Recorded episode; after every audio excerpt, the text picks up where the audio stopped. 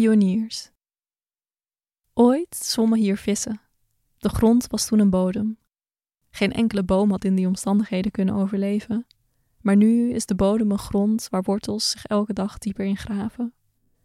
Misschien stuiten ze op vissenskeletten, op schelpen of op sporen van waterplanten. Maar nooit komen ze oude wortels tegen. Alle bomen hier zijn immers pioniers. Hun thuis is altijd toegekend door mensen. Die bepalen de rijen waar de bomen in komen. Net als hun eigen buurten delen ze de bomen in in wijken. Rechte vlakken om het overzicht te behouden, grenzen te stellen en efficiëntie te realiseren. Beton, asfalt, water of gras belemmeren de boomwijken onderling te communiceren. In de wijken zelf is er voortdurend contact. Door de grond, via hun wortels, via zwamdraden, beroeren de bomen elkaar en vertellen over hun welzijn en de omstandigheden waarin ze leven. Ze laten weten welke insecten op hen zitten, of hoeveel water ze aan de grond kunnen onttrekken. En ze delen wat ze kunnen missen aan eten. Hier, wat nitraat voor jou, je lijkt het nodig te hebben. En wat suiker voor jou, want ook jij moet blijven groeien. Sommige wijken zijn symmetrisch, al is dat niet iets waar de bomen omgeven. In het cirkelbos houden de beuken zich voornamelijk bezig met wiskundige data. Elke dag tellen ze samen het aantal verstreken uren. 9, 10, 11, 12.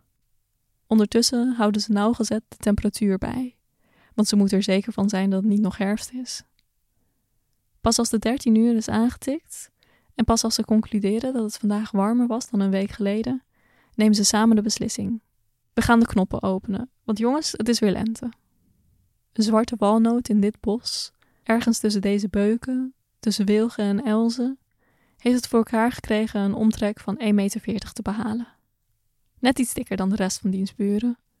Het is een enigszins eenzame prestatie, zoals deze boom dat graag wil.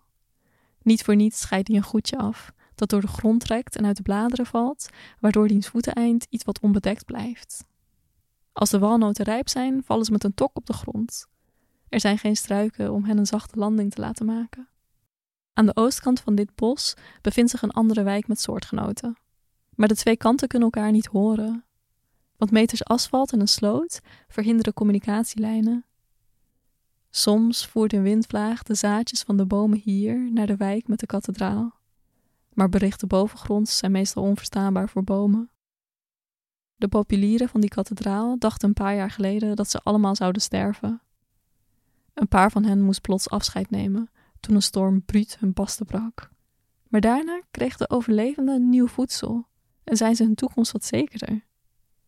Niet dat ze een optimaal leven hebben. De grond rondom hen is best ingeklonken door alle stappen die mensen bij hen nemen. Hun beukenburen zo'n 50 meter verderop genieten, door de afwezigheid van paden, van wat losse zand waar water langer in blijft hangen.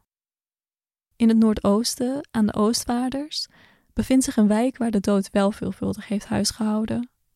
Een paar jaar geleden voelden de eerste essen daar al een schimmel neerstrijken op hun bladeren. Ze zonden een boodschap uit naar hun soortgenoten, want ze wilden de rest voor de ondergang behoeden. Maar het mocht niet baten. Alle andere bomen voelden het leven langzaam uit de essen vloeien. Nu is de wijk één soort boom armer, al staan de geraamtes van een paar van die essen er nog. Hoewel levenloos geven ze wat beschutting aan jonge bomen. En allerlei insecten doen zich maar al te graag te goed aan hun karkassen. Een paar van die gestorven essen heeft een hele nieuwe gedaante gekregen. Een van hen is een tafelblad geworden in een huis een paar kilometer verderop.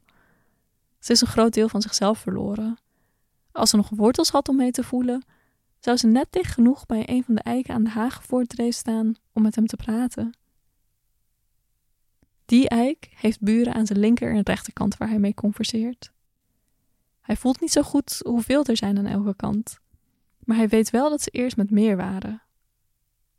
De eiken aan de grote dreef zijn degenen die zijn weggerukt, die een nieuwe balans moesten zien te vinden. Deze eiken voelen via de grond niet meer de verwantschap met de eiken die ze achterlieten aan de Hagevoortdreef. Daarvoor staan te veel wegen en cement in de weg. Maar ze delen nog wel dezelfde herinneringen. In hun basten zitten dezelfde voedingsstoffen en ze hebben hetzelfde bloeiritme. Ze weten dat ze allemaal een jaar voor de scheiding een rijk jaar hadden, waarin de eikels maar bleven vallen. Toen volgden drie sobere jaren. Nog steeds overleggen de Hagevoortdrevers en de Godendrevers over dezelfde zaken en komen tot dezelfde conclusies.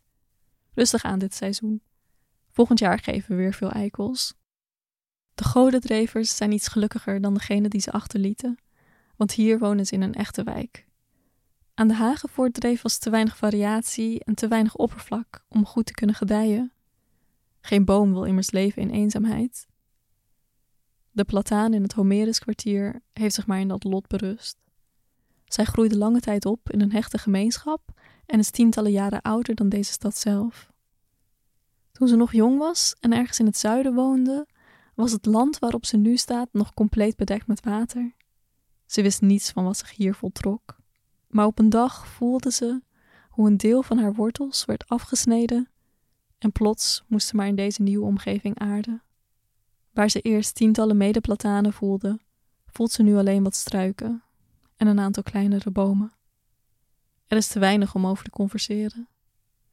Ze draagt een eeuw aan herinneringen met zich mee en had die zo graag met vele anderen willen delen. Ze mag ouder zijn dan de stad, ouder dan de mensen die langs haar lopen, ouder dan alle vogels, insecten en muizen die op haar komen zitten. Haar leven is nog lang niet verstreken. Ze strekt haar wortels uit, dieper en dieper trekt ze de grond in, op zoek naar ander leven. Misschien leeft zij nog vier eeuwen.